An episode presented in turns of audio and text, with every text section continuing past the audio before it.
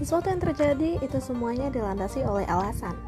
Di gantungan kunci, kita akan membahas topik-topik yang hangat diperbincangkan, mulai dari hobi, pekerjaan, pola hidup, dan lain-lain.